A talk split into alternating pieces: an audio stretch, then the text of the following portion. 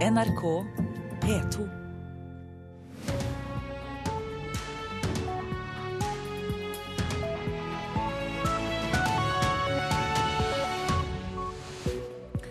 Her i Nyhetsmorgen får du mer om skytingen i San Bernardino i California. Andre saker den nærmeste halvtimen.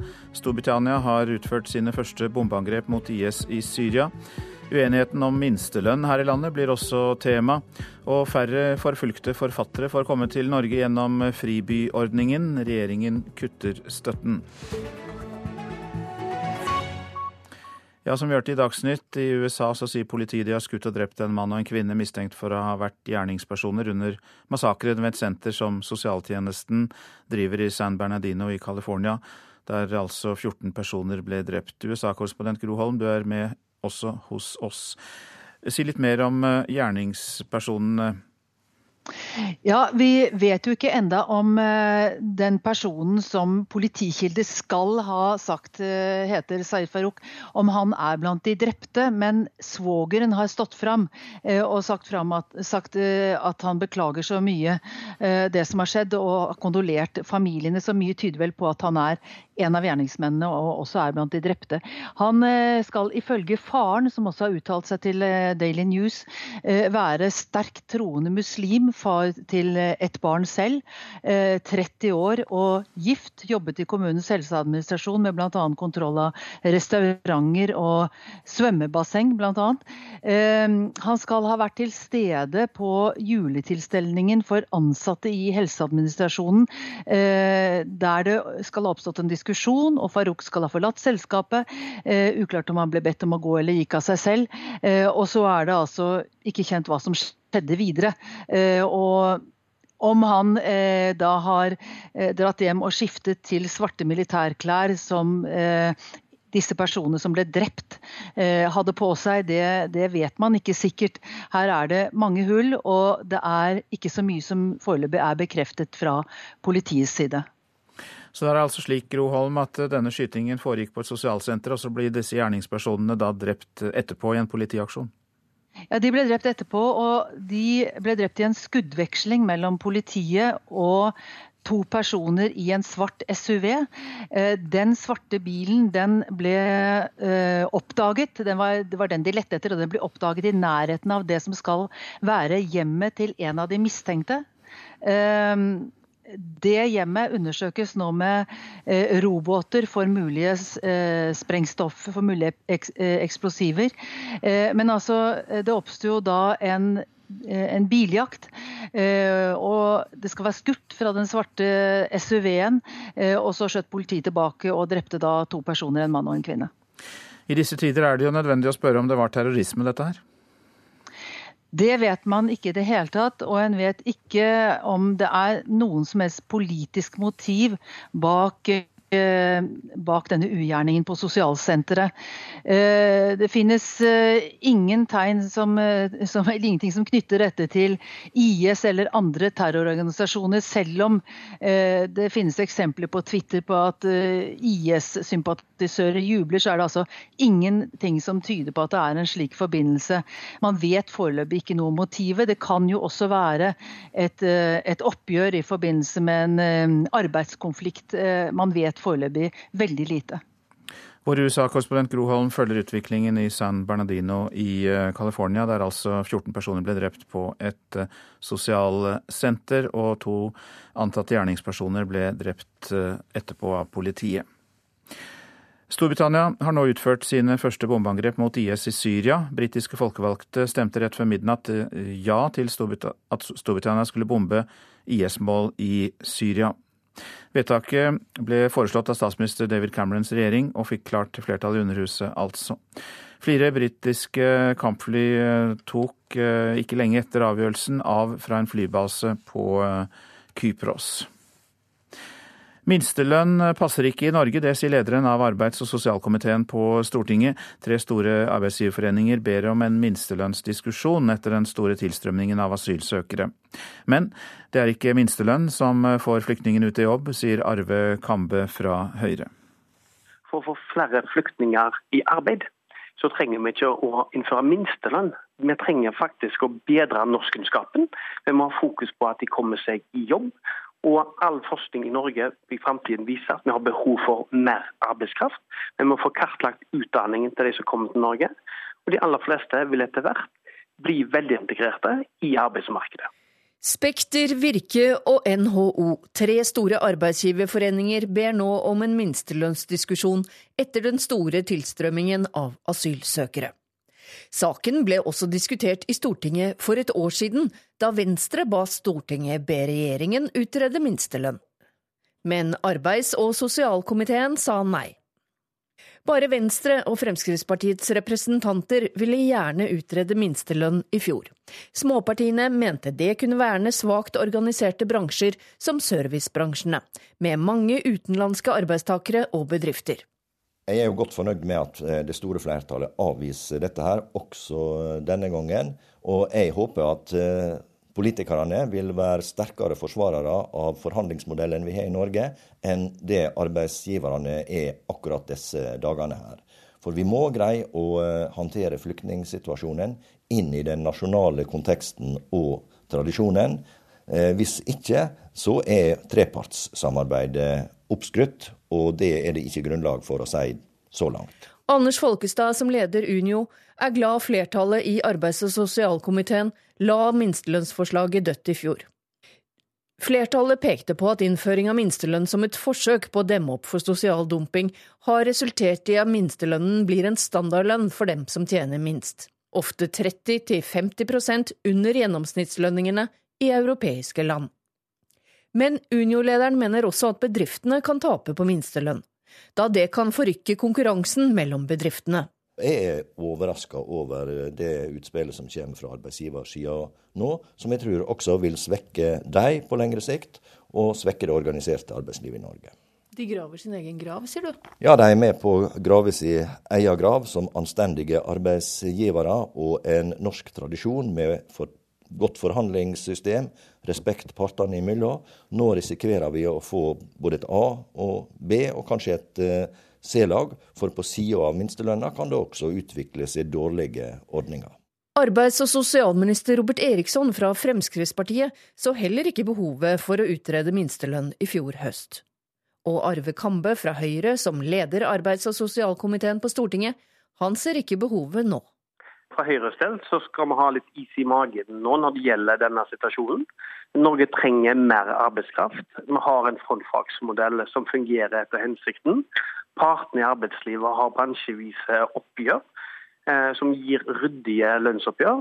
Eh, og for de som målgruppen er lav, eller for lav lønn i forhold til minstelønn, eh, så har man i dag eh, alternative måter å gjøre det på. Eh, så jeg tenker at minstelønn i Norge, det passer ikke her. Reporter var Hedvig Bjørgum. 4000 ganger hvert år kommer brannvesenet i Bergen til stengte dører når de skal på tilsyn. Et slikt tilsyn skal gjøres hvert fjerde år, men det er en stor utfordring at mange ikke er hjemme, sier brannvesenet.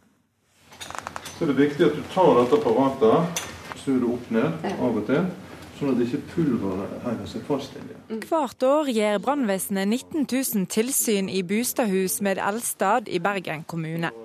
Men det skulle vært flere. Nesten 4000 ganger møter brannvesenet tomme hus når de skal på tilsyn. Et stort problem, sier leder for forebyggende avdeling i Bergen brannvesen, Trond Knop. Det første er jo dette med brannsikkerheten. Vi får ikke gjort den jobben vi er satt til å gjøre. Og eh, punkt to er jo det at eh, det gjør jo noe med logistikken vår. Vi har jo en stor logistikk på dette. 19 000 tilsyn i løpet av et år. De skal sjekke at brannslukkeutstyr, røykvarslere, rømningsveier og elstad fungerer som det skal. De kan gi råd til huseierne og se ting fra et annet perspektiv enn kanskje huseieren selv gjør. Slik at de avdekker jo ting som kanskje ikke er i tråd med, med regelverk, eller som kan være direkte, direkte farlig Også. Anders Leonard Blakstedt i Direktorat for samfunnssikkerhet og beredskap synes det er alvorlig.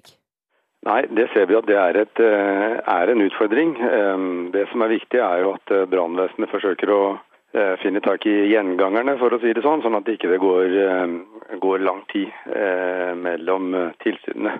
Han sier det finnes verkemiddel en kan ta i bruk. Mulighetene til å komme inn er jo, er jo for så vidt lovfesta sånn sett. Og det er også en mulighet til å benytte seg av politiet her. Og man må iallfall vurdere hvilke virkemidler man må må eh, iverksette for å nå inn til alle. I går skrev BA at brannvesenet hadde prøvd å gjennomføre tilsyn i bygget som tok fyr i Vaskerelven i november, siden 2007 uten hell. Ja, så den vassgraven det er jo en sak som er under politietterforskning, så den uh, kan jeg ikke kommentere. Men uh, generelt så kan vi si det at det kan det nok gjøre. Våre folk som er ute og gjennomfører tilsyn, finner jo ulike typer avvik som må rettes. Reporter i Bergen, Marte Njåstad. Avisene nå. Marinen er beordret i stridsmodus som svar på russisk opptrapping, skriver Aftenposten. Å være klar til konflikt er vår nye normalsituasjon, sier kontreadmiral Lars Saunes. Nå bygges marinen opp for å være kampklar på noen få timers varsel. Nei, nei og nei. Motstand hele veien. Det er oppslaget i Dagens Næringsliv om ekspertrapportene som Siv Jensen har bestilt. Alle tre rapporter går nemlig mot eh, Fremskrittspartiets økonomiske politikk, så det gikk ikke helt etter planen da finansministeren søkte råd hos økonomieksperter, skriver avisa. Knut Arild Hareide ble truet på livet og kalt landssviker, kan vi lese i Dagbladet. I løpet av høsten har han framstått som en av de fremste forsvarerne av flyktninger. Mange blant nettrollene og innvandringskritikerne mener han har gått for langt. Kyllingbønder bør satse på biff, er oppslaget i Nasjonen. Mange kyllingprodusenter sliter pga. mindre markedsregulering, overproduksjon og ustabilt marked. Svaret fra landbruksminister Sylvi Listhaug er å satse på annen produksjon, bl.a. storfe. Det strider mot alle helse- og klimaråd, sier Rasmus Hansson i Miljøpartiet De Grønne. LO krever pensjon fra første krone. Kvinner og lavtlønte rammes hardest i kampen om pensjonskronene, skriver leder av, sier leder av Handel og Kontor Trine Lise Sundnes til Dagsavisen. Deltidsansatte som jobber under 20% har ingen avtaler om at arbeidsgiveren skal spare pensjon for dem, og det vil Sundnes ha en forandring på. Kapasiteten i barnevernet blir sprengt for flyktninger som utgjør snart halvparten av barna på barnehjem, kan vi lese i Klassekampen. Neste år anslår UDI at sju ganger så mange asylbarn kommer til Norge. Hun skjulte at Børre Knutsen var faren hennes. Nå gir hun ut den omstridte presten og abortmotstanderens salmer på CD.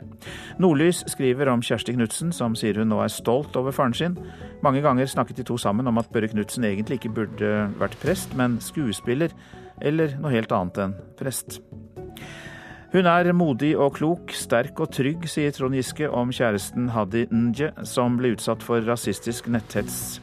Giske sier til VG at hennes respons på hetsen kan hjelpe andre. Ole Einar Bjørndalen bør være selvskreven når skiskytterlaget til VM i Holmenkollen i mars skal tas ut. Det mener flere av hans tidligere konkurrenter. Sportssjef Morten Aa Djupvik kan ikke garantere plass til 41-åringen, men det kan bli vanskelig å vrake veteranen, som selv er meget godt fornøyd med gårsdagens seier. Det betyr fryktelig mye. Ehm, det er lenge siden sist, og det kjennes eh, bedre enn noensinne. Altså, det kan nesten ikke beskrives. Han har 95 verdenscupseiere, men gårsdagens triumf var den første på godt over 1000 dager. Det var nice. 41 år gammel, men allikevel på toppen av resultatlista igjen.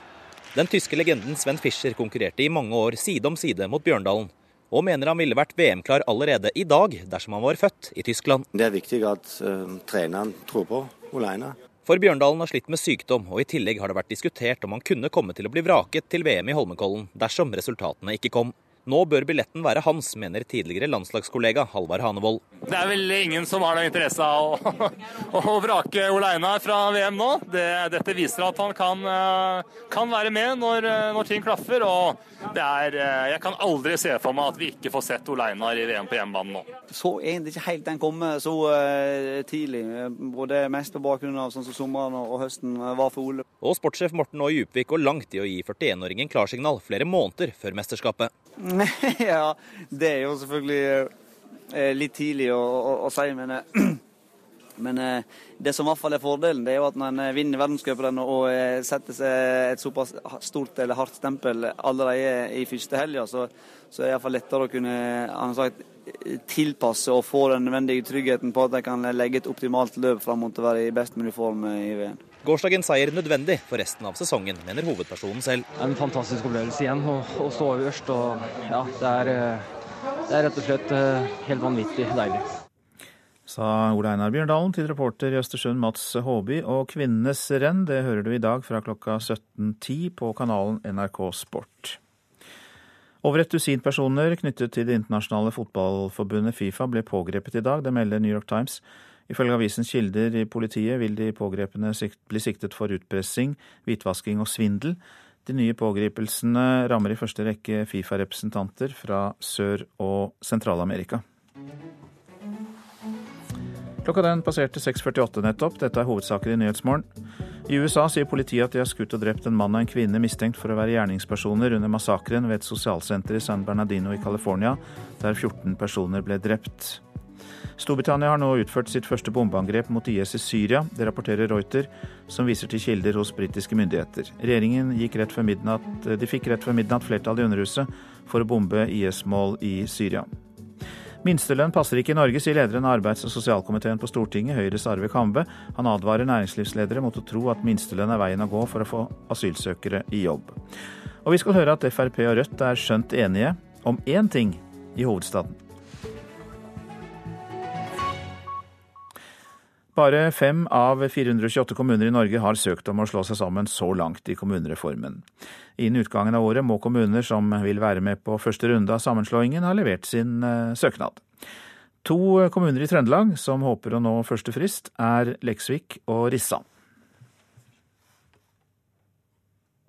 Det kommer flere kommunesammenslåinger nærmere sommeren. Eh, rett og slett fordi at eh, kommunereformen ikke, ikke går over. Dette er utfordringer lokalpolitikerne må, må, ta tak i. Nå har de eh, vel et halvt år på å gjennomføre prosessene, og det er tilstrekkelig tid til å gjøre nødvendige vedtak. Og Det var kommunalminister Jan Tore Sanner vi hørte der. I Oslo står Fremskrittspartiet og partiet Rødt sammen, i hvert fall om én ting. Munchmuseet i Bjørvika i Oslo må skrinlegges én gang for alle. I går ble det jo klart at det nye byrådet i hovedstaden vil fortsette byggingen av det nye hovedbiblioteket Deichman i Bjørvika. Og det er dyrt nok med biblioteket. Vi trenger ikke et Munch-museum til flere milliarder i tillegg, sier Bjørnar Moxnes fra Rødt. Vi mener at det er på høy tid å skrote Lambda, som er et ekstremt dyrt bygg, uegna for å vise fram kunst, og heller gå inn for å bygge et nytt, moderne museum på Tøyen til halve prisen, til beste for Munchs kunst og for alle innbyggerne i Oslo. Nå er det mange mennesker som har tent faklene. Kampen Janitsjar står klare til å lede dette fakkeltoget som skal gå ned til NRK rapporterer fra Rådhusplassen i Oslo i oktober for tre år siden. Aksjonen Skrik for skrik har samlet kunstnere og andre tilhengere av Munch-museet Lambda til fakkeltog. De vant til slutt, men skriket har tydeligvis ikke lagt seg, Fremskrittspartiets Carl I. Hagen øyner i likhet med Moxnes nå nytt håp om å få satt en stopper for det nye Munch-museet. Her er jeg stort sett enig med Bjørnar Moxnes, bortsett fra at vi vil at man skal benytte det gamle Nasjonalgalleriet som et uh, Munch-museum. Det er bygget uh, for å vise kunst, uh, men det å grave ned 3000 millioner kroner til et uegnet bygg i Bjørvika er helt meningsløst. Det nye hovedbiblioteket i Bjørvika, som byrådet nå vil fortsette byggingen av etter en liten tenkepause, får trolig en prislapp på rundt tre milliarder kroner. Lambda, som skal ligge vegg i vegg, vil koste rundt 2,7 milliarder, slik det ser ut nå. Og drifts- og finanskostnadene for begge disse prosjektene kommer til å koste Oslo kommune anslagsvis en halv milliard kroner hvert år. Kulturbyråd, Arbeiderpartiets Rina Mariann Hansen, svarer slik når vi spør om det kan være aktuelt å skrinlegge Lambda. Eh, foreløpig er ikke det noe vi jobber med i byrådet. Når det er sagt, så må vi gå inn og kvalitetssikre alle tall på alle de store investeringsprosjektene vi har i kommunen. Og når det gjelder eh, Munch-museet på Lambda, så har det foreløpig kun foreligget anslag på driftskostnader for et nytt Munch-museum. De er eh, jeg som kulturbyråd nå i gang med å gå gjennom, eh, skaffe meg oversikt over, forsøke å kvalitetssikres og ta sikte på å komme tilbake eh, med noe om driftskostnadene på Lambda i forslaget til budsjett for 2017. Nå blir det noe av Deichman, eh, det er vi glad for. Men at vi i tillegg skal bygge Lambda, når vi kan bygge for halvparten av prisen, og ikke minst til lave driftskostnader på Tøyen, det tror jeg nok vi skal komme tilbake til. Og Reportere det var Hans Jørgen Solli, Olav Juven og Knut Erik Solhaug. Færre forfulgte forfattere får komme til Norge. Regjeringen mer enn halverer flyktningekvoten i fribyordningen, for nå skal syriske flyktninger prioriteres. Det er et alvorlig og urimelig angrep på ytringsfriheten, mener ordføreren i Stavanger, en av de 14 fribyene i Norge. Really, I was astonished when I heard the news. I think this is unfair. Jeg ble overrasket, det er urimelig, sier Mohammed Habib, som kom til Stavanger som fribyforfatter fra Syria i høst, sammen med kone og to voksne barn. Han sikter til at regjeringen kutter drastisk i flyktningkvoten, som gjør at forfulgte forfattere kan komme til Norge. Then I didn't only bring me here, it gave me life, it saved me death. Uten hjelpen fra fribynettverket Icorn hadde jeg ikke kommet meg levende ut av Syria, sier oversetteren og menneskerettsforkjemperen som satt fengslet i ni år i hjemlandet. Det betyr jo at eh, instituttet, altså Fribyinstituttet, står jo egentlig for fall hvis vi ikke klarer å endre dette. Sier ordfører Kristine Sagen Helgø i Stavanger, en av 14 norske byer som tar imot forfulgte forfattere. I forslaget til statsbudsjett er 3000 flyktningplasser forbeholdt syrere. 120 åpne plasser gjenstår da til andre, mot 300 tidligere. Og av disse 120 er bare ca. en firedel åpne for saker som fremmes av organisasjoner som Icorn. Ja, Det er svært alvorlig. Jeg syns det er en, eh, på grensen til å være en skandale. Sier programkoordinator i fribynettverket Icorn, Elisabeth Dyvik. Det er 14 fribyer, og de tar imot én forfatter annethvert år. Det er ikke veldig mange det er snakk om. Men eh, nå får vi nesten ingen inn. Det blir sånn at eh, fribyordninga blir mer enn halvert. Mens det hittil har kommet mellom 30 og 40 personer i året på fribykvoten, blir det nå trolig snakk om bare fire til fem plasser, sier Dyvik. De har kommet til veis ende i sine land, og de må flykte sammen med familiene sine. Og Det er derfor det er så viktig at vi kan bruke kvoteflyktningsordninga. For selv om det bare er snakk om syv fribyforfattere i året, så har de med seg familier. Og det vil si at vi trenger flere plasser enn det som regjeringa nå stiller til rådighet. Ja, Norge har tar nå imot et uh, historisk stort antall kvoteflyktninger. Det er rett og slett ikke mulig å ta imot flere. Det sier statssekretær statssekretær i Justisdepartementet, Gøran Kalmyr. Så har altså Stortinget sagt at 3000 f.eks. For, for neste år skal nå forbeholdes dem som kommer fra Syria. Det er altså slik at Norge kan ikke prioritere alt og alle hele tida. Her må vi bare jobbe, vi som er fribyer, for å få dette på plass igjen. Kanskje vi klarer det for 2016, men i hvert fall fra 2017. Den reportasjen var laget av Anette Johansen Espeland. Det går mot et nytt rekordår for norsk sjømateksport. Hittil i år er det eksportert sjømat for 67,3 milliarder kroner, og det er 8% mer enn i samme periode i fjor. Med normal eksport i desember så vil det bli tidenes sjømatår for Norge, sier fungerende kommunikasjonsdirektør i Norges sjømatråd, Marit Rein. Vi skal tilbake til massakren i USA som vi hørte om i begynnelsen av sendingen. I California gjennomsøker politiet leiligheten til paret som er mistenkt som gjerningspersoner etter massakren i San Bernardino. Mannen og kvinnen ble skutt og drept i skuddveksling med politiet for få timer siden. Også en politimann ble beskutt, men han kommer til å overleve. 14 mennesker ble drept og 17 skadd da væpnede personer angrep et sosialsenter i San Bernardino seint på kvelden i går. Eh, norsk tid, altså. Ordfører i byen, Carrie Davis, takket politiet for innsatsen på en pressekonferanse i natt. This is a shocking event for our community. Uh, we certainly are very fortunate that we have such a well trained police department, our sheriff's department that uh, uh, went into action and they put a massive effort out at trying to alleviate the problem that, uh, that they were confronted with. Ja, dette er en sjokkerende hendelse for eh, vårt samfunn, det sa altså ordfører Carrie Davis. Og vi er heldige som har en slikt eh, godt trent politistyrke som gikk til aksjon, gjorde en voldsom innsats for å løse situasjonen. Politiets bombegruppe jobber nå også med å sikre senteret der massakren skjedde, og de mistenktes bil. Og enda en person er pågrepet i saken, men politiet er ikke sikre på om vedkommende er innblandet i den.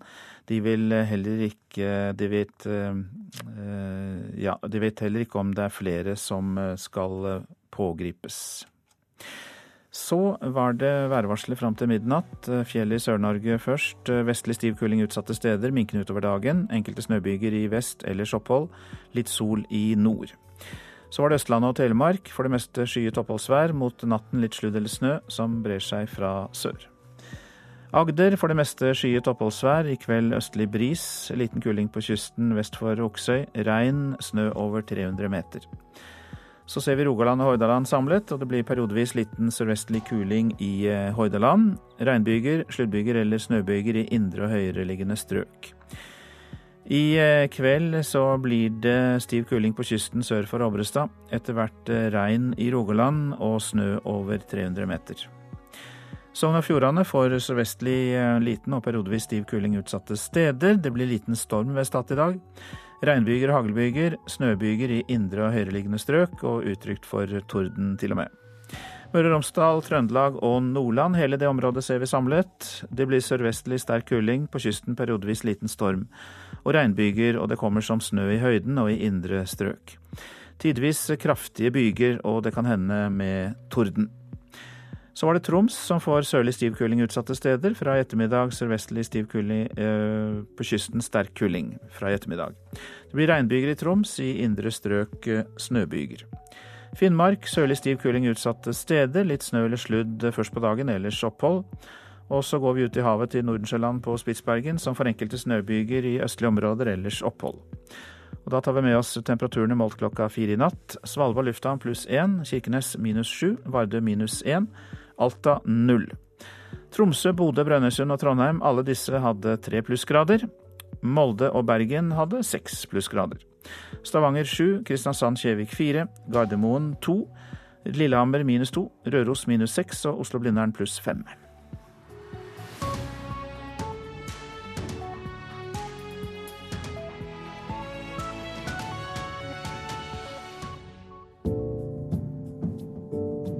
NRK P2.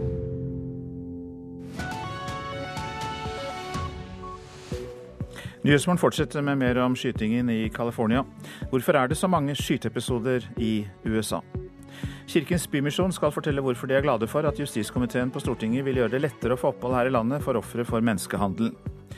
Går det mot folkemord i det lille afrikanske landet Burundi? Og vi skal høre at prester er bekymret for at barna ikke lærer seg de gamle, tradisjonelle julesangene på skolen. Ja, Vi hørte altså i Dagsnytt at USA der har politiet skutt og drept en mann og en kvinne mistenkt for å være gjerningspersoner under denne massakren ved et sosialsenter i San Bernardino i California. USA-korrespondent Gro Holm, du er med oss. Kan du fortelle mer om det som skjedde på dette sosialsenteret der 14 personer ble drept? Ja, Det var altså en julefeiring, og det skal ha oppstått en diskusjon hvor en av de mistenkte eh, skal ha gått muligens i sinne. Eh, det neste politiet og, og, og, han har kommet da tilbake igjen eh, med, med, med, våpen. Sannsynligvis samme personen. Identiteten er ikke offisielt bekreftet bekreftet av politiet, men både faren og svogeren til en av de mistenkte har uttalt seg til media som om han eh, er, har stått bak ugjerningen. Og, og, faren forteller også at dette dreier seg om en sterkt troende muslim, far til et barn, og at han er da selv eh, jobber i helseadministrasjonen.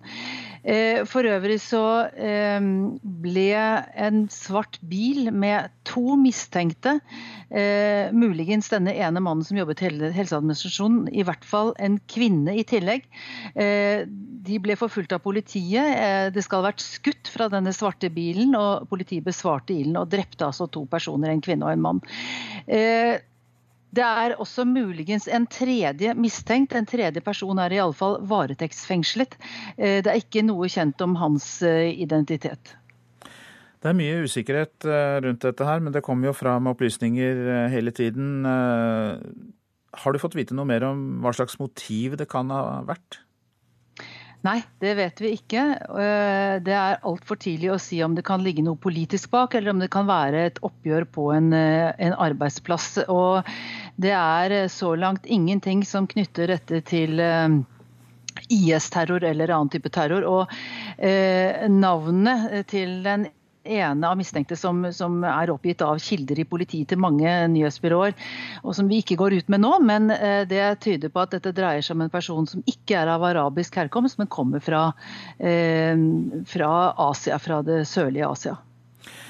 Vi eh, holder eh, deg på linjen videre, Gro Holm, men vi er også med oss i studio utenriksmedarbeider og tidligere USA-korrespondent Joar Hoel Larsen.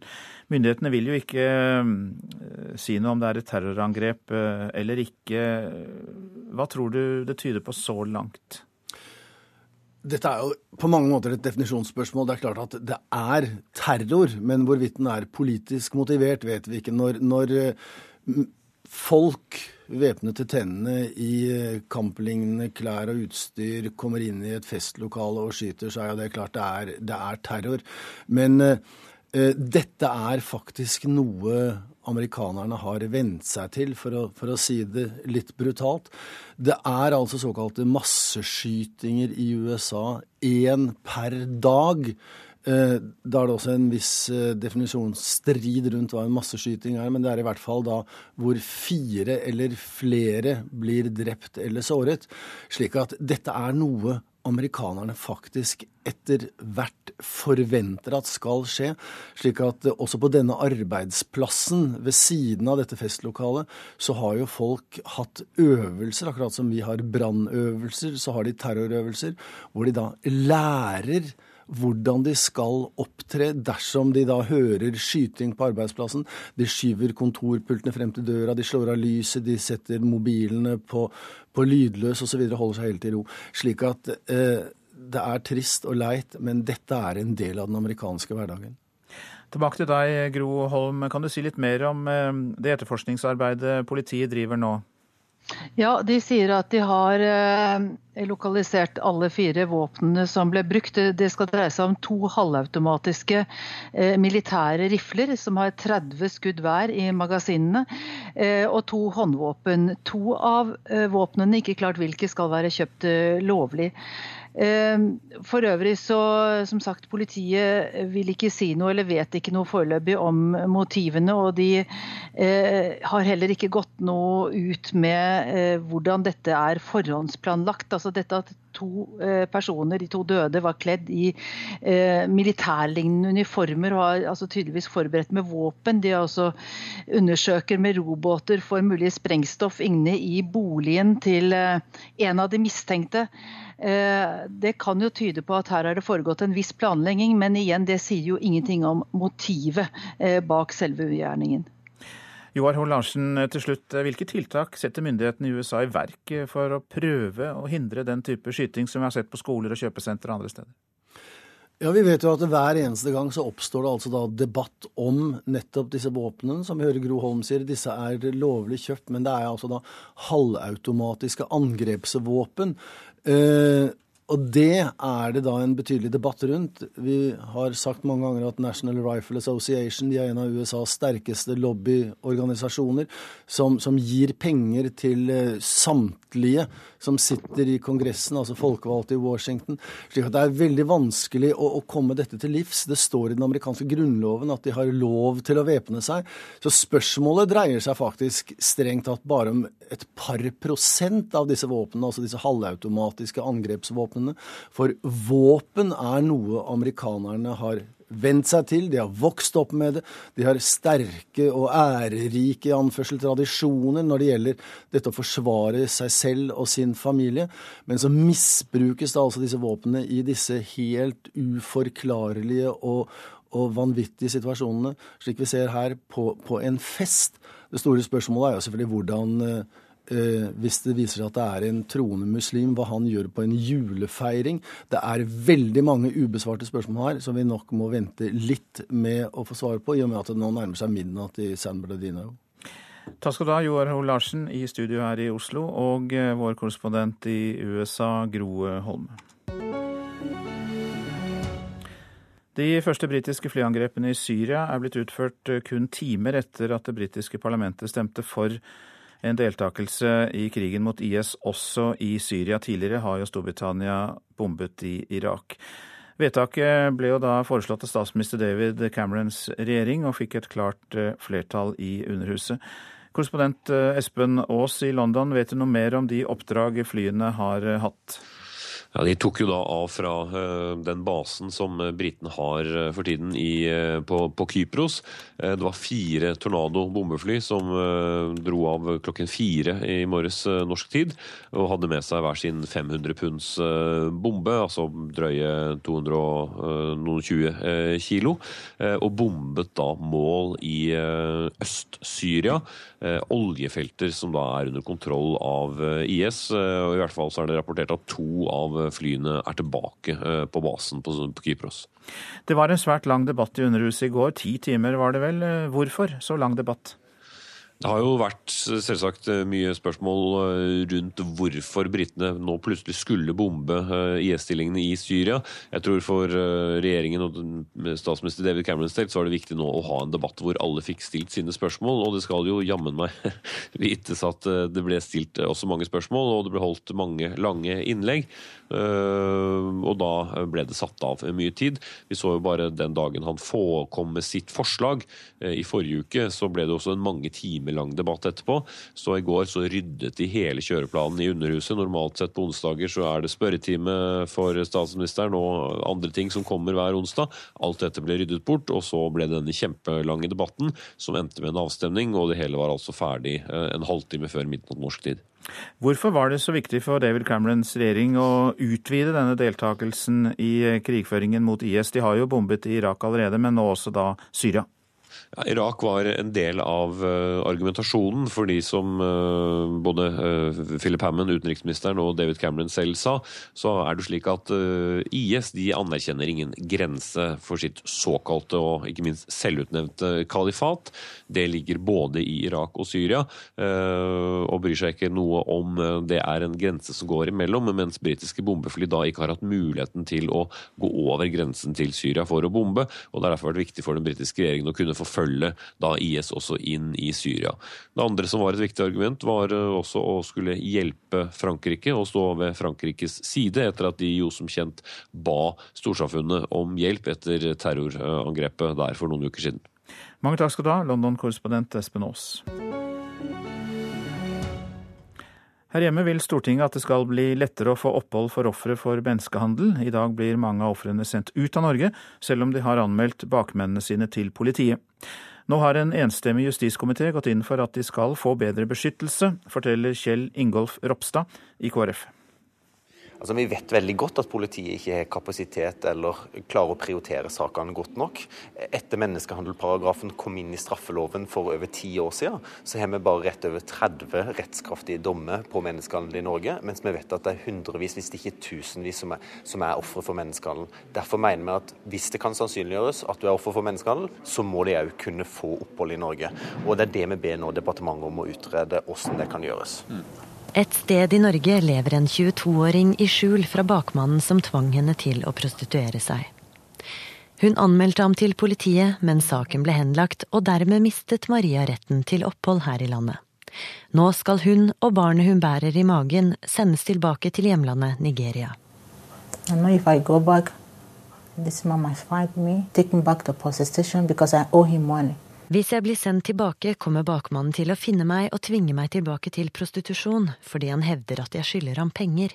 Det er som om han eier meg, sier Maria. Kvinner som Maria bør få beskyttelse uavhengig av om politiet åpner straffesak mot bakmennene, sier KrFs justispolitiske talsmann Kjell Ingolf Ropstad. Forhåpentligvis så kan eh, regjeringa komme med et lovforslag i løpet av våren, og at det da kan vedtas kanskje for sommeren. Er dere redd for misbruk av ordningen? Nei, jeg frykter ikke misbruk, men det viktige er jo at det er sikkerhetsventiler som gjør at den ikke utnyttes. Men er, jeg tror det er ingen som ønsker å gå inn som et offer i menneskehandel for å så misbruke ordninga. Men for Maria kommer endringen for sent. Om kort tid settes den gravide kvinnen på et fly tilbake til Nigeria. I don't want to go back there because I'm scared. Jeg vil ikke tilbake, for jeg er redd. Eh, det sa altså den 22 eh, år gamle menneskehandelofferet Maria. Og reportere her var eh, Jarle Roheim Haakonsen og Mari Algot Lie. Nadheim-prosjektet til Kirkens Bymisjon driver oppsøkende arbeid i prostitusjonsmiljøet, og gjennom prosjektet møter de ofre for menneskehandel. Olav Legdene, du er virksomhetsleder der, velkommen. Takk. Hvilken betydning kan det få at det trolig blir lettere for disse ofrene for menneskehandel å få opphold? Og dette er en veldig god nyhet til eh, alle oss som jobber på menneskehandelfeltet, konkret med å identifisere og bistå ofre. Eh, men først og fremst er dette en veldig god nyhet for de som vil eh, vurdere å anmelde bakmennene. Det skaper større forutsigbarhet og vil gjøre, gjøre det lettere å anmelde.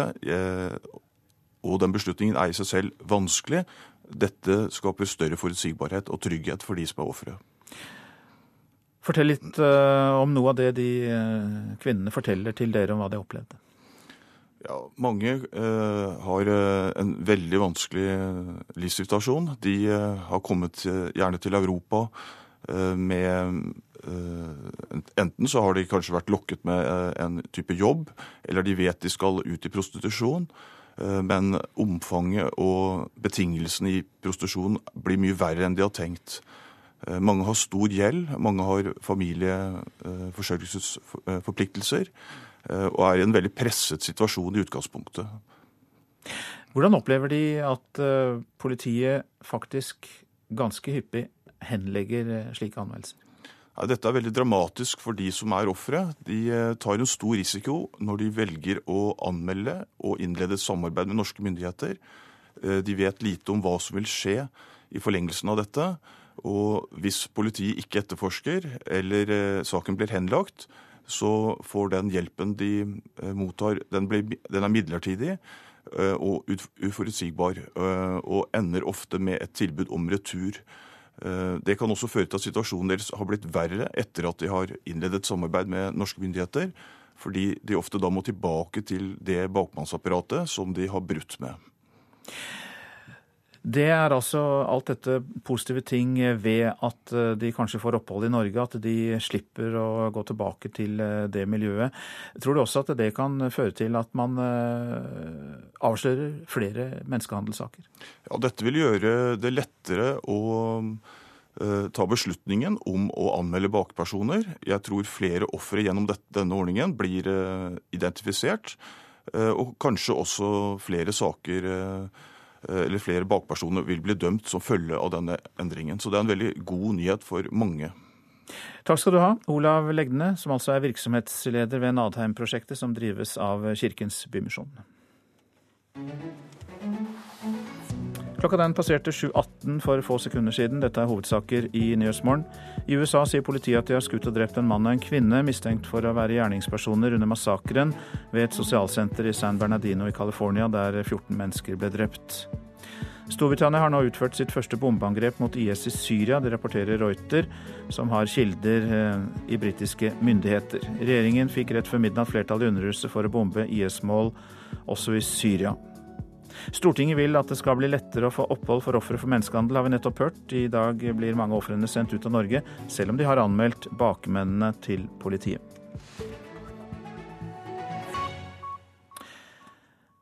FNs høykommissær for menneskerettigheter advarte nylig mot faren for folkemord i Burundi, slik det afrikanske nabolandet Rwanda opplevde i 1994. FNs generalsekretær Ban Ki-moon foreslår at det blir utplassert en fredsbevarende styrke som kan dempe volden i Burundi. Afrikakorrespondent Sverre Tom Radøy, du er nå med oss. Og eh, er det en etnisk konflikt eh, som bygger seg opp i Burundi? De fleste regner dette som en politisk konflikt, men her ligger eh, den gamle historien om hutuer og tutsier bak helt fra 1500-tallet. Så den etniske eh, dimensjonen går det nok an å, å, fyre av på et eller annet tidspunkt. Men eh, nå er det både hutuer og tutsier som, som flykter fra Burundi. Vi har eh, også eh, med oss en eh, annen gjest. Det er Morten Bøås, forskningsprofessor ved Norsk utenrikspolitisk institutt, NUPI. Du er på oppdrag i Uganda og med oss derfra. Hvordan vurderer du risikoen for et nytt folkemord i denne delen av Afrika? Altså Foreløpig er det ikke folkemord som, eh, som sådan som eh, bekymrer meg, men altså det jeg er bekymret for, er eh, en tiltagende politisk vold, og at man ikke kommer ut av den kompliserte politiske situasjonen som har oppstått etter at presidenten gikk inn for å bli gjenvalgt for en ny, ny termin. Så Spørsmålet er mer hvordan man skal komme seg ut av nettopp den situasjonen med tiltagende vold, spesielt i hovedstaden. Det er klart at uh, enig med Sverre Tom at dette er først og fremst nå en politisk konflikt, men at det er en bakteppe her av en eldre etnisk konflikt som kan, uh, kan slå inn. Men de er ikke der ennå, men den politiske konflikten og den politiske volden er svært alvorlig. Tilbake til deg, Sverre Tom Radøy. Hva er det som har skjedd i Burundi av vold og overgrep? Nei, det var altså da i april at eh, presidenten ville gå for en ny periode. Han var valgt en gang og, og, og, utpekt en gang, og mente at han burde velges to ganger. Det mente ikke mange ungdommer, særlig fra universitetet. De gikk i gatene kom et kuppforsøk som ble slått ned. Mange flyktet. Flyktninger på grensen eh, til Rwanda som jeg traff i juni, fortalte om frykten for regjeringspartiets ungdomsmilits, som de mente hadde fått utdelt macheter. Og Det ordet det vekker jo en viss eh, erindring fra det som skjedde i 94 eh, i Rwanda, da 800 000 mennesker ble slaktet ned. Til nå har 200 000 mennesker flyktet fra Burundi. 200-300 mennesker skal være drept. TV-radiostasjoner er stengt av. Eh, folk drepes eh, nesten hver eneste dag. Det er så å si umulig å jobbe fritt som journalist eh, i dette landet, som vi skal huske på bare har ti, har ti millioner mennesker i et område som er på størrelse med Hedmark fylke. Så det er mye snakk om posisjoner og, og retten til land også oppi det hele. Morten Bøås, hva er det mulig å gjøre for å hindre at situasjonen blir verre i Burundi? Nå er det en pågående diplomatisk prosess hvor eh, Uganda har tatt ledelsen. og Det tror jeg er bra. for at eh, altså, Det er eh, ganske tette bånd mellom Uganda og Burundi. og Tidligere så har det vist seg at president Museveni i Uganda har hatt en viss innflytelse på det sittende politiske lederskapet i Burundi. Det er et håp om at det kan føre til noe fremganger i samtalene. Og så er man rett og slett nødt til å finne et eller annet form for kompromiss. Jeg tror det er lite trolig at eh, presidenten vil, eh, vil gå av, i hvert fall umiddelbart, men om man kan finne en eller annen form for overgangsløsning hvor han eh, kan bli sittende en viss tid, og at man så får et nytt valg. Det er nok det beste man kan håpe på her. Men det er klart at det er, det er store muligheter også for at den politiske uroen kan fortsette Eh, i hvert fall eh, på kort sikt. Ja, en overgangsløsning prøver man altså å eh, få til. Sverre Tom Radøy, til slutt. Hvordan virker det fra ditt ståsted som andre afrikanske land klarer å håndtere dette? Nei, Jeg bor jo i Kenya, som er et østafrikansk land, og dermed med i denne gruppen som prøver å få til noe i Burundi, uten å ha lykkes i det hele tatt uh, til nå. Det, det skrives stadig vekk om, uh, om folkemord, trusselen om folkemord uh, rundt omkring i afrikanske aviser. De kaller det G-ordet, som da ikke brukes så ofte ellers, men delvis i FN-systemet. Og det er et bakteppe med flere hundre tusen drepte også i Burundi. Sånn at vi skal være veldig veldig veldig forsiktige.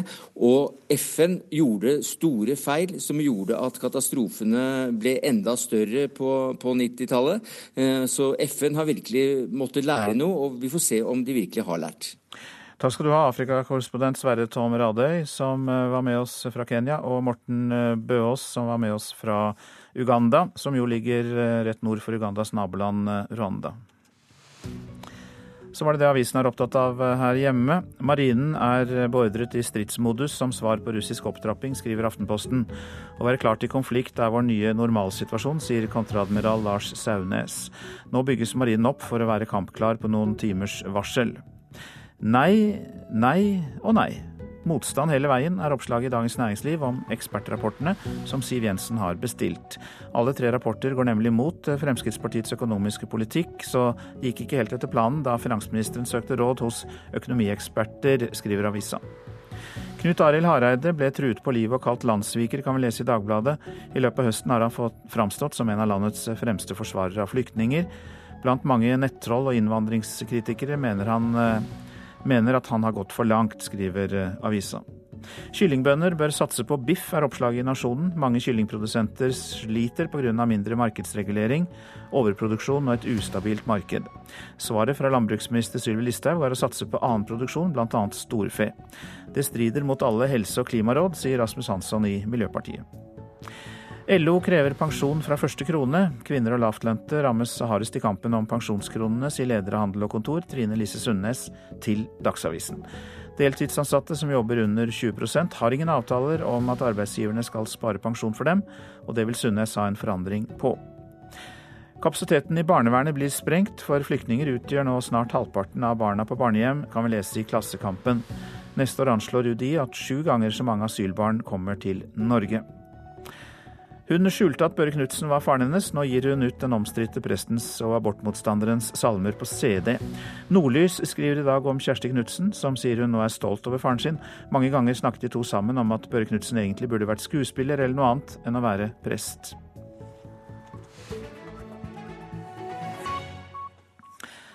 Skal barna lære seg de gamle, tradisjonelle julesangene i skoletida? Vel, prester NRK har snakket med er bekymret, for det fins ikke noen retningslinjer for at en oppvoksende slekt skal lære seg sanger som Deilig er jorden og Glade jul. Glade jul, hellige jul. Dale ned i skjul. Kom hit flygende paradisgrønn. Å, jeg har den på tunga, men jeg får det ikke, finner det ikke.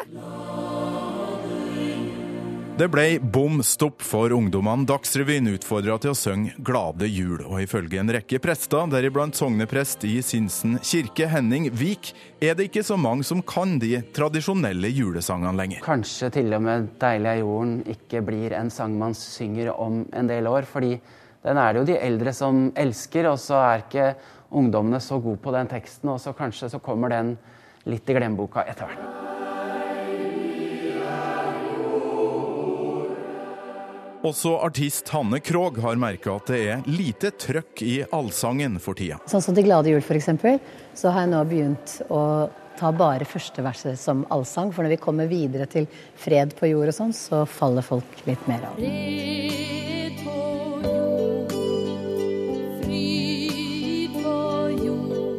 Tror ikke det er så mange dessverre som synger hjemme.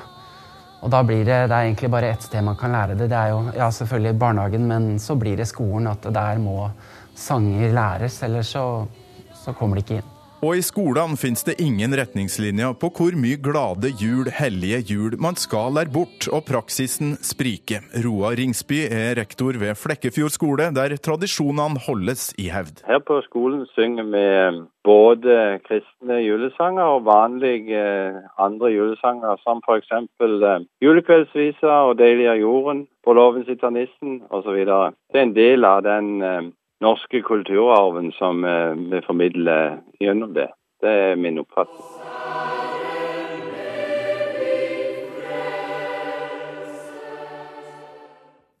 Mer om julesangtradisjoner i Kulturnytt klokka 8.03, og reporter her det var Torkil eh, Torsvik.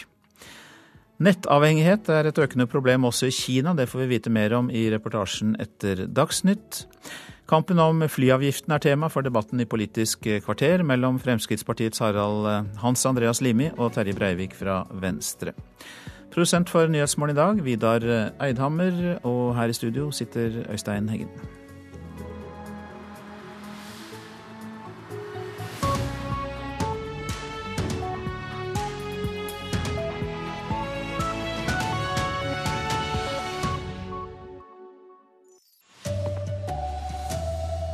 Mistenkt mann og kvinne er drept etter massakren i California. Britiske kampfly har gjennomført sine første angrep mot IS i Syria. Det skal bli lettere for ofre for menneskehandel å få opphold i Norge. Her er NRK Dagsnytt klokka 7.30 ved Anders Borgen Werring. I USA så sier altså politiet at de har skutt og drept en mann og en kvinne. De er mistenkt for å ha stått bak massakren ved et senter som sosialtjenesten driver i San Bernardino i California. USA-korrespondent Gro Holm, hva er siste nytt nå? Ja, det siste er at uh, de to var uh, Kvinnen var Tasfahin Malik, 27 år. Mannen var Saeed Rizwan Farouk, 28 år. De var enten kjærester eller gift, sa politisjefen i San Bernardino. Det skal ikke ha vært flere enn de to med på skytingen. Og politisjefen sier også at de ikke har noen informasjon om at dette er en terrorrelatert handling i tradisjonell forstand, bortsett fra at selvfølgelig det å bruke og skyte sivile er, med, med avanserte våpen er en terrorhandling i seg selv. Ja, du blir med oss videre, Gro Holm, men først nå så skal vi høre litt om denne dramatikken.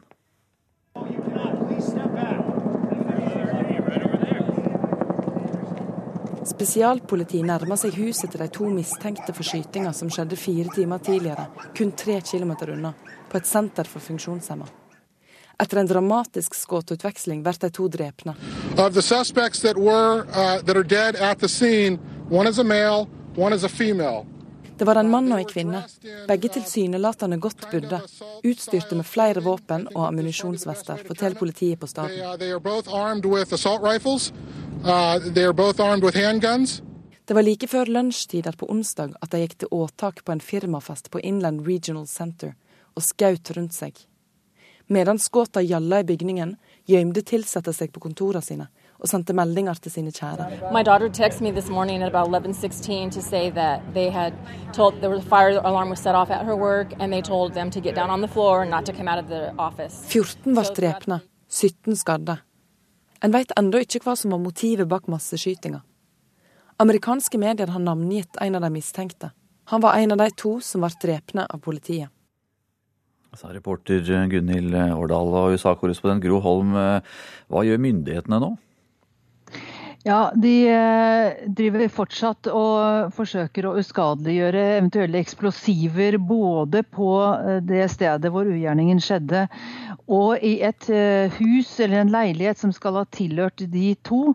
Eh, De bruker robåter i det arbeidet, og det er et møysommelig arbeid. Eller så sier de at de vil umiddelbart gå ut med informasjon til publikum dersom det skulle være fare for at det er noen på frifot som, kan, eh, som står i ledetog med disse to som er drept. Men så langt så mener politiet at det ikke er det at de ikke har indikasjoner på at det er noen, som, som, at det er noen grunn til engstelse. Hva har kommet fram når det gjelder eh, motivet bak skytingen? Politiet sier at de ikke har noen anelse så langt om hva som kan være motivet. Eh, Og de har jo da også spesifikt sagt, det som jeg var inne på tidligere, at de ikke har noe informasjon om at dette er en politisk motivert eh, terrorhandling. Takk skal du ha, Gro Holm, USA-korrespondent. Skal det handle om Storbritannia, for eh, landet har nå utført sine første bombeangrep mot IS i eh, Syria. Det skjedde bare få timer etter at det britiske parlamentet stemte for å delta i krigen mot eh, IS. Og London-korrespondent Espen Aas, hva mer vet du om angrepet? Eh, Ettersom vi forstår, så var det fire Tornado bombefly som tok av fra den britiske basen på Kypros bare få timer etter at eh, det ble stemt frem et flertall for eh, bombetokt i, i Syria i parlamentet her. Eh, De skal ha angrepet seks, forskjellige eh, mål som var oljefelt som er under IS-kontroll øst i Syria. Og allerede klokken fire i morges var de to første flyene tilbake eh, på basen. Og de skal også ha blitt støttet av en drone i det samme området, og også avansert kamerautstyr.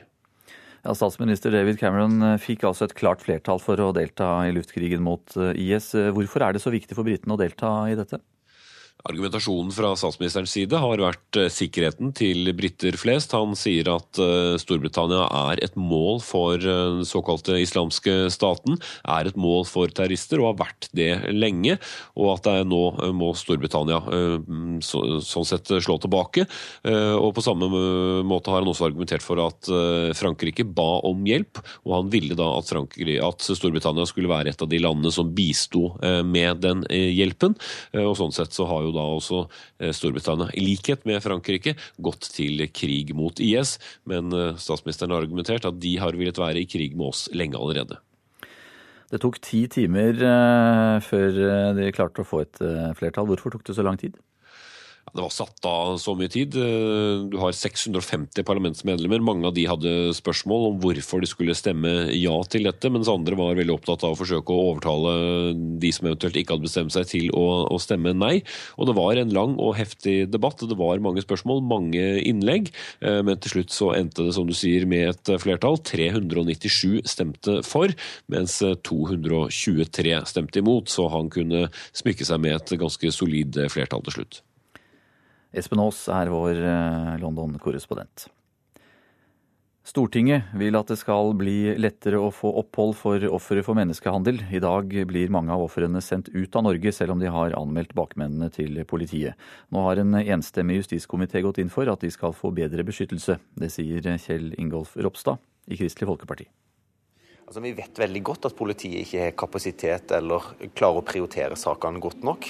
Etter menneskehandelparagrafen kom inn i straffeloven for over ti år siden, så har vi bare rett over 30 rettskraftige dommer på menneskehandel i Norge, mens vi vet at det er hundrevis, hvis det ikke tusenvis, som er, som er ofre for menneskehandel. Derfor mener vi at hvis det kan sannsynliggjøres at du er offer for menneskehandel, så må du òg kunne få opphold i Norge. Et sted i Norge lever en 22-åring i skjul fra bakmannen som tvang henne til å prostituere seg. Hun anmeldte ham til politiet, men saken ble henlagt, og dermed mistet Maria retten til opphold her i landet. Nå skal hun og barnet hun bærer i magen, sendes tilbake til hjemlandet Nigeria.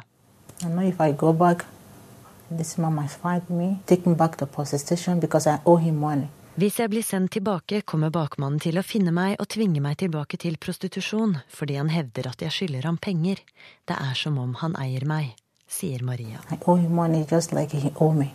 Kvinner som Maria bør få beskyttelse uavhengig av om politiet åpner straffesak mot bakmennene, sier KrFs justispolitiske talsmann Kjell Ingolf Ropstad. Forhåpentligvis så kan eh, regjeringa komme med et lovforslag i løpet av våren, og at det da kan vedtas kanskje for sommeren. Men for Maria kommer endringen for sent. Om kort tid settes den gravide kvinnen på et fly tilbake til Nigeria. I don't want to go back there because I'm scared. Jeg vil ikke tilbake fordi jeg er redd, sa den 22 år gamle, 22 år gamle menneskehandelofferet Maria. Reportere Jarle Roheim Haakonsen og Mari Algot Lie. Minstelønn passer ikke i Norge. Vi må heller verne om den norske modellen, sier lederen av arbeids- og sosialkomiteen på Stortinget, Arve Kambe fra Høyre. Tre store arbeidsgiverforeninger ber om en minstelønnsdiskusjon etter den store tilstrømmingen av asylsøkere. Unio satser på politikerne heller enn arbeidsgiverne disse dagene, sier leder Anders Folkestad. Ja, vi ser jo trekk allerede i dag på at arbeidsinnvandring drar lønnsnivået i mange bransjer nedover. Og her er det all grunn til å være på vakt ikke både for arbeidstakerne, selvsagt, men jeg syns det er på sin plass at arbeidsgiverne også tenker seg godt om før de går videre med en dårlig idé, som minstelønn er. Og jeg håper at eh, politikerne vil være sterkere forsvarere av forhandlingsmodellen vi har i Norge, enn det arbeidsgiverne er akkurat disse dagene her. For vi må greie å eh, håndtere flyktningsituasjonen inn i den nasjonale konteksten og tradisjonen. Eh, hvis ikke, så er trepartssamarbeidet oppskrytt. Det sa Unio-leder eh, Anders Folkestad. KrF-leder Knut Arild Hareide har i løpet av høsten blitt truet på livet og kalt landssviker pga. asyl- og flyktningpolitikken han står for. I et eh, intervju med Dagbladet sier han at hetsen har tatt seg opp betydelig denne høsten, og mener netthetsen nå er så drøy at det er blitt et samfunnsproblem. Flere personer tilknyttet eh, det internasjonale fotballforbundet Fifa er eh, pågrepet, det melder eh, New York Times. Blant de pågrepne er lederen for det søramerikanske fotballforbundet. Og ifølge New York Times sine kilder i politiet så blir de pågrepne siktet for utpressing, hvitvasking og svindel. Det var NRK Dagsnytt i denne omgang. Ansvarlig for Dagsnytt i dag, det er Elin Pettersen.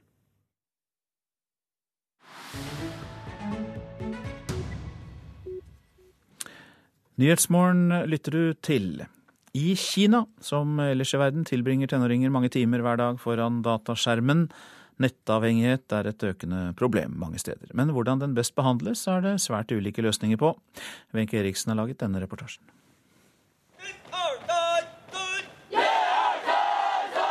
Klokka har passert midnatt i Shandong-provinsen øst i Kina.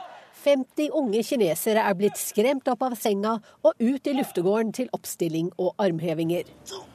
Instruktøren bjeffer til tenåringene i kamuflasjeuniform. Den yngste er bare 13 år gammel. For dette er bootcamp. Ikke for å trene opp soldater, men for å rehabilitere nett- og spilleavhengige ungdommer. Jo, jo. Den strenge militære disiplinen hjelper, bedyrer 15 år gamle Liu Jiaming til nyhetsbyrået Ap. Blir jeg her i noen måneder, så kommer jeg til å sette mer pris på friheten der ute. Og når jeg kommer ut herfra, kommer jeg aldri til å røre nettspill igjen, sier han.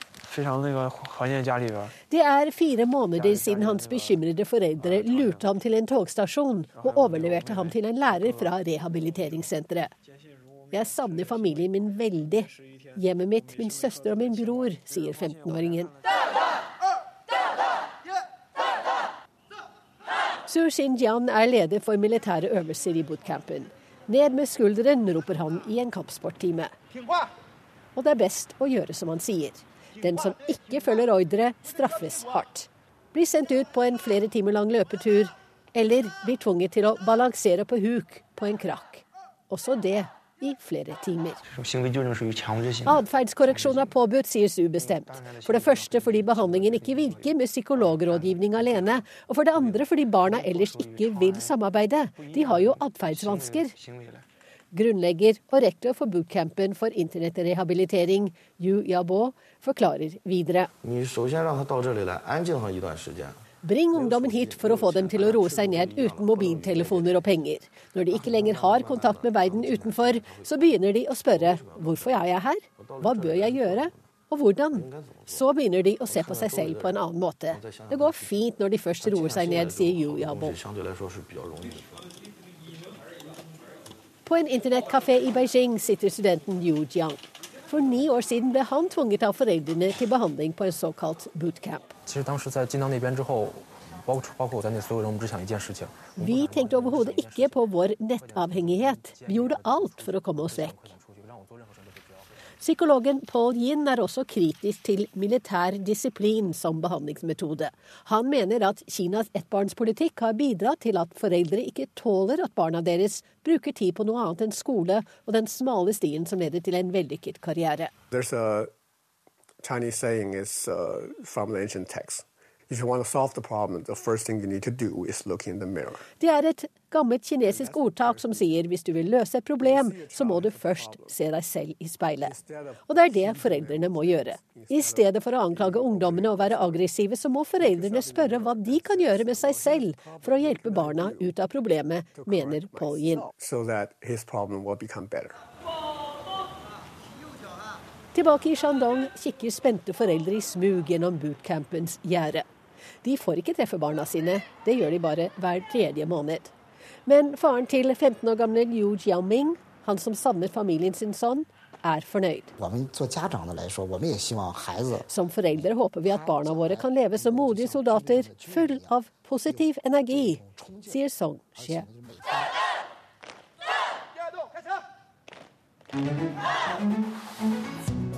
Hovedsaker i Nyhetsmorgen. I USA sier politiet de har skutt og drept en mann og en kvinne mistenkt for å være gjerningspersoner under massakren ved et sosialsenter i San Bernardino i California, der 14 mennesker ble drept. Storbritannia har nå utført sitt første bombeangrep mot IS i Syria, det rapporterer Reuters. Regjeringen fikk rett før midnatt flertall i Underhuset for å bombe IS-mål i Syria. Stortinget vil at det skal bli lettere å få opphold for ofre for menneskehandel. I dag blir mange av ofrene sendt ut av Stortinget, sendt ut av Norge, selv om de har anmeldt bakmennene sine til politiet. Og flere personer tilknyttet det internasjonale fotballforbundet Fifa er pågrepet, melder The New York Times.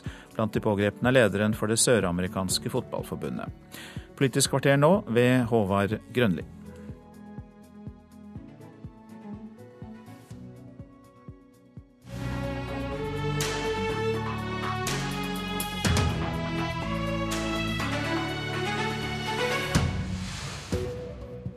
Hvem er flypassasjeravgiftens rette far? Er det ei Frp-avgift, eller er den bare Venstres prosjekt? Frp vil ikke ha på seg at de sitter med ansvaret. Og hvor alvorlige er samarbeidsproblemene mellom de to partiene? Vår kommentator mener det er stor sjanse for at Venstre sier nei til å støtte ei regjering med Frp i 2017. Velkommen til Politisk kvarter. Flypassasjeravgiften på 80 kroner som ble vedtatt i budsjettforliket mellom regjeringspartiene og KrF og Venstre, har skapt store bølger. Næringslivet freser, flyselskapene advarer om nedlegging av ruter og flyplasser. Etter at budsjettet ble lagt fram, har Frp ikke villet debattere avgiften. De har heller vist til sentrumspartiene. Men uh, nå er du iallfall her, Hans Andreas Limi, finanspolitisk talsmann i Frp. Har dere med dette meint at sentrumspartiene må bære ansvaret for avgiften alene? Ja, det, som Fremskrittspartiet har sagt siden budsjettavtalen ble lagt frem for uh, halvannen uke siden, det er at um, det er elementer i den avtalen som Fremskrittspartiet ikke er like glad for. Bl.a. avgiftsøkninger, som vi har prøvd å forhindre underveis i forhandlingene. Eh, så måtte vi gi litt på det. Men eh, da er det slik at jeg syns det er riktig at partiene snakker om det man har kjempet igjennom i, i budsjettforhandlingene, og så stå for det som da er, er resultatet. Og det var så, det først og fremst Venstre som gjorde? Ja, når det gjelder denne avgiften, så var det det. Men jeg vil samtidig understreke at det er klart vi står inne for helheten i budsjettforliket. Og, og, har, eh, og har, signert på det. Så, så, helheten i forliket og det budsjettet som regjeringen har lagt frem, er det som er viktig for oss å forsvare. Hva er det som har provosert deg til å ville debattere dette nå? Det er rett og slett eh, behov for å oppklare noen misforståelser. Det, det ble gitt en fremstilling i går av at Fremskrittspartiet skulle ha bidratt til å øke denne flypassasjeravgiften. Eh, mens det som er faktum, er jo det stikk motsatte. Vi har faktisk bidratt til å redusere konsekvensen av den, og også derigjennom da redusere inntektene fra denne avgiften gjennom den modellen som da til slutt ble lagt inn i forliket. Men Venstres forslag var på 50 kroner på innenlands flytrafikk. Den er blitt til 80 kroner. Hvem har ansvaret for det, da? Ja, Nå kan sikkert Venstre redegjøre godt for sitt forslag, men, men, eh, det som lå i forslaget var jo en gradert avgift fra 50 til 300. Eh, som i sum ville gitt eh, ca. 2 milliarder i inntekt for 2016. Eh, det som da ble forhandlet frem til slutt, det var en fast avgift på 80 kroner per passasjer. Hvorfor og som gir med halvparten. Det? det var nødvendig denne gangen for å få til en budsjettavtale. Det var nødvendig? Ja. Dere måtte ha en flypassasjeravgift? Ja, vi måtte ikke nødvendigvis det, men vi, vi, måtte ha en budsjettavtale. Eh, og det var viktig da for, eh, for, Venstre å få gjennomslag for en miljøavgift, og da ble det flypassasjeravgiften denne gangen. Terje Breivik, finanspolitisk talsmann i Venstre. Du som sitter ved Hans Andreas Limis side. Er du denne avgiftens rette far? Ja, Venstre må jo ta et betydelig ansvar for at uh, vi nå har fått et grønt skatteskifte av et, uh, av et visst format i denne budsjettavtalen. Uh, grønt, grønt skatteskifte er helt avgjørende for å løse klimaproblemet. Utslippene må ned. Det betyr at forurens, forurensning koster, og dermed må du òg betale når du, når du forurenser så er jo det geniale med et grønt skatteskifte at du bruker merinntektene til å redusere skatter og avgifter på det du vil ha mer av, og i, i denne sammenheng. Eh, fly, flyavgifter er sånn sett et veldig godt døme på hvordan det funker. Merinntektene blir brukt til å redusere skatt på inntekt, selskapsskatt, som gjør at eh, folk, folk flest sitter igjen med mer penger etter etter den avgiften pga. skattesenking, og kan sjøl velge om de vil fly like mye som før, eller spare penger og bruke, bruke de inntektene på andre ting. Du vedkjenner deg eh, avgiften, men hvordan forklarer du at en uh, flypassasjeravgift der minstesatsen etter deres forslag ville ligge på 50 kroner, enda opp på 80? Nei, Det er jo et resultat av det som skjedde, skjedde rundt forhandlingsbordet. Eh, det er ikke tvil om at vi, to partier som sitter i studio nå, Venstre og Frp, er jo på dette området eh, rimelige motpoler. Så, så at ikke det har vært Venstre sin primærmodell som ble lagt til grunn, er jo et resultat av at det er er egentlig ikke bare Frp og Venstre, men fire partier som skal enes om en budsjettavtale som alle skal kunne stille seg bak eh, in the end of the day. Hvem sitt prosjekt var det å heve avgiften, da? Nei, altså Den modellen som nå, eh, som nå ligger på, som ble resultatet, ble jo lagt på bordet fra regjeringspartiene i forhandlingsrommet. Men Venstre har jo ikke noe imot at vi nå Tvert imot så er vi svært glad for at vi nå faktisk har bidratt til, i lag med de andre borgerlige partiene, for et grønt skatteskifte eh, av et ganske, ganske, bra format, altså vel 5 milliarder. Ja, jeg har bare lyst til å presisere at Avgiften er jo ikke hevet underveis i forhandlingene. altså det, det blir liksom å snu ting på hodet. Eh, det forslaget som ble lagt på bordet, inneholdt en gradert avgift fra 50 til 300. Ja, det er minstesatsen for innlast, jo, men så endte det med en fast avgift, endte det med en fast avgift på 80, som da eh, reduserer det totale provenyet til staten. Det betyr at gjennom disse forhandlingene så er faktisk denne avgiften halvert. Sånn at du mener du, dere har forhandla den ned? Vi bidro til å redusere konsekvensene av avgiften når vi først da måtte akseptere å ta inn en miljøavgift i, i dette budsjettforliket. Men Er du enig i den skildringa, Breivik? Nei, men dette illustrerer jo litt selvsagt av hvor, hvor, hvor ulike ulike disse to partiene er, altså Venstre og Frp, i forhold til klimaproblematikken. Klim, klimaproblemet må løses, og klimaet har ikke tid til å vente. Et grønt skatteskifte er det suverent tyngste og viktigste verktøyet vi har politisk for faktisk å bruke markedskreftene effektivt. Og, og Det både meg og, Hans Andreas nå har bidratt til gjennom budsjettforhandlingene, er jo å sette opp prisen litt på det vi vil ha mindre av, forurensning, og senke den på det vi vil ha mer av, samtidig som vi òg stimulerer fly flyindustrien til å ta i bruk fly som bruker mer klimavennlig drivstoff, biodrivstoff, og med å senke avgiftene på altså landings, landingsavgift, flyplassavgiftene på, på, den type fly. For, for det, vi, vi, må, gjøre mindre av, er jo fly fly med fly som bruker dagens eh, drivstoff. Men når, når den eh, avgiften da ble høyere enn innenlands enn i deres opprinnelige forslag, syns du da det egentlig er en enda bedre modell enn den dere foreslo? Nei, klart Venstre sitt, sitt grønne skatteskifte var jo mye bedre innretta. For da var da avgiftla vi primært kjeldene til utslipp, altså drivstoffene. Det vil si at vi, vi ønsket jo primært å gå direkte på CO2, enten CO2-avgift og eller øke avgiftene på veibruksavgift, altså bensin- dieselavgifter. Mm. Budsjettforliket sier jo også at det skal komme et grønt skatteskifte med bl.a. CO2-avgifter neste år, etter at Grønn skattekommisjon har fått lagt fram sitt. Mener du Breivik, at uh, dette faktisk betyr at det skal bli økning i bensin- dieselavgiftene neste år? Det er svært vanskelig å se for seg et eh, grønt skatteskifte som forslår, og som er helt nødvendig av omsynet til, til å løse klimaproblemet, som, ikke, som ikke omfatter økning i bensin- og dieselavgiftene. Limi, har dere i praksis gått med på det? Nei, eh, det har vi nok ikke. Men det er klart at man skal inn og følge opp det som kommer av anbefalinger fra såkalt Grønn skattekommisjon.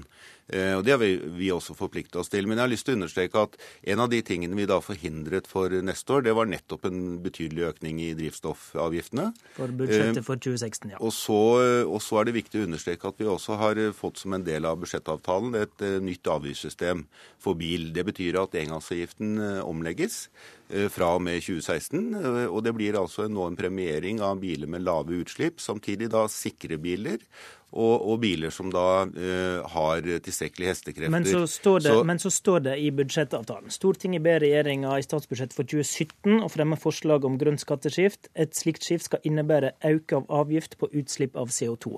Har dere ikke da gått med på at det kommer flere grønne avgifter enn bare denne flypassasjeravgiften? Jo, men det er jo, det er jo slik at vi har, dag, eh, vi har i dag ulik praksis når det gjelder eh, CO2-avgifter. Eh, og Da må vi se på de bransjene som er unntatt i dag, bl.a. Eh, landbruket. Eh, så alt dette må inn i en grundig vurdering. Og så er det jo slik at hvis man må gjøre noe med avgiftene et sted, og f.eks. øke avgiftene, så er det viktig for Fremskrittspartiet at man veksler ut det ved å redusere på, på andre avgifter. Det må altså være en kombinasjon av pisk og gulrot. Og jeg vil jo si at det vi har fått til nå på bilavgiftene, er nettopp det. Og hovedsakelig så er det gulrot ved at vi da premierer de som velger nye, sikre og miljøvennlige biler. Takk til Hans Andreas Limi og Terje Breivik i Venstre.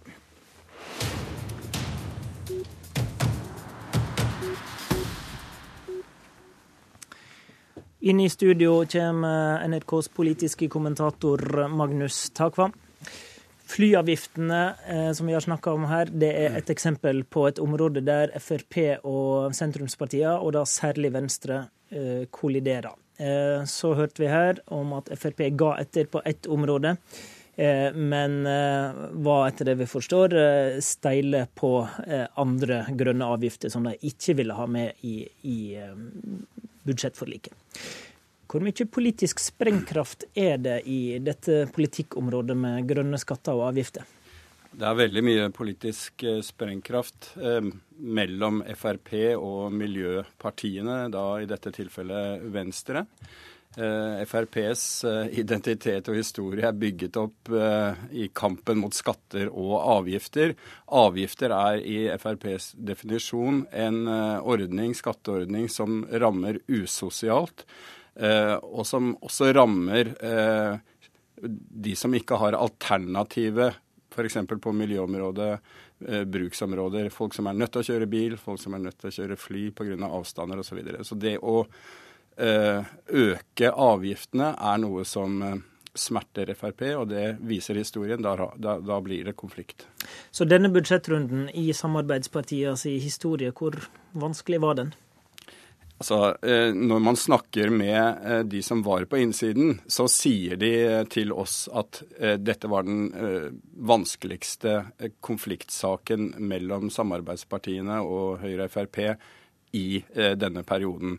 Det er vanskelig å sjekke det ordentlig for oss. Jeg fikk inntrykk av at det var også det samme i fjor vanskelig, men det er åpenbart at det var Eh, tilspisset, særlig mellom Frp, omkring det grønne skiftet. Rett før det ble en avtale, så, så, var det krisestemning i lufta. Det er det ingen tvil om.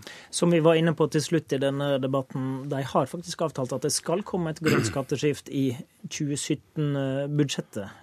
Hvor vrient blir det, da? Ja, altså, Med historikken som jeg var inne på, så tror jeg ikke det uten videre blir enkelt. Selv om man verbalt nå har en avtale om skal vi si, prinsipielt å følge opp rådene fra en sånn grønn skattekommisjon som kommer i neste uke. Og da er vi tilbake til, til basics. Altså blir Går Frp med på å øke drivstoffavgiftene? Det vil et parti som Venstre kreve, fordi det bidrar til å gjøre biodrivstoff eh, eh, billigere. Og man har allerede begynt den veien å redusere avgiftene på biodrivstoff. Så det, det ligger i kortene at det blir en knallhard konflikt i forbindelse med budsjettet neste år. Vi kjenner til fra før at KrF heller døra på gløtt for å kunne skifte side i samband med stortingsvalget 2017. Men eh, skal vi tro Dagsavisen i går, så var Venstre enda nærmere enn KrF og skulle lage budsjettkrise den siste helga i forhandlingene. Hva slags vurderinger gjør eh, Venstre av dette samarbeidet nå? Mitt inntrykk er at eh, lojaliteten og tilliten eh, mellom regjeringspartiene, særlig Frp og sentrumspartiene, er dårligere enn eh, noen gang. Og det som har skjedd, har også brakt venst, partiet Venstre i en skal vi si, mer kritisk posisjon i forhold til regjeringsprosjektet enn hittil. Eh, så min spådom er at eh, når det gjelder 2017, så er det ganske åpent hva som kommer til å skje. Og det er ikke gitt at de da støtter ei regjering der Frp er med? Nei, fra før av har det jo blitt eh, etablert, etter min mening i hvert fall, at Kristelig Folkeparti jobber fram mot å skal vi si, løsrive seg mer eller mindre fra det eksisterende regjeringsprosjektet og være mer fristilt i en valgkamp 2017. Jeg tror Venstre og KrF eh, kan ende på et standpunkt der de sier at eh, vi ikke vil støtte en regjering der Fremskrittspartiet er med. Uh, og så kan det være ulike varianter av det. men konflikten mellom Frp og sentrum, særlig da Venstre i det siste, har ført til, som sagt, en en uh, utvikling som kan ende der. Takk til deg, politisk kommentator Magnus Takvam. Det var eh, Politisk kvarter. I studio i dag satt Håvard Grønli.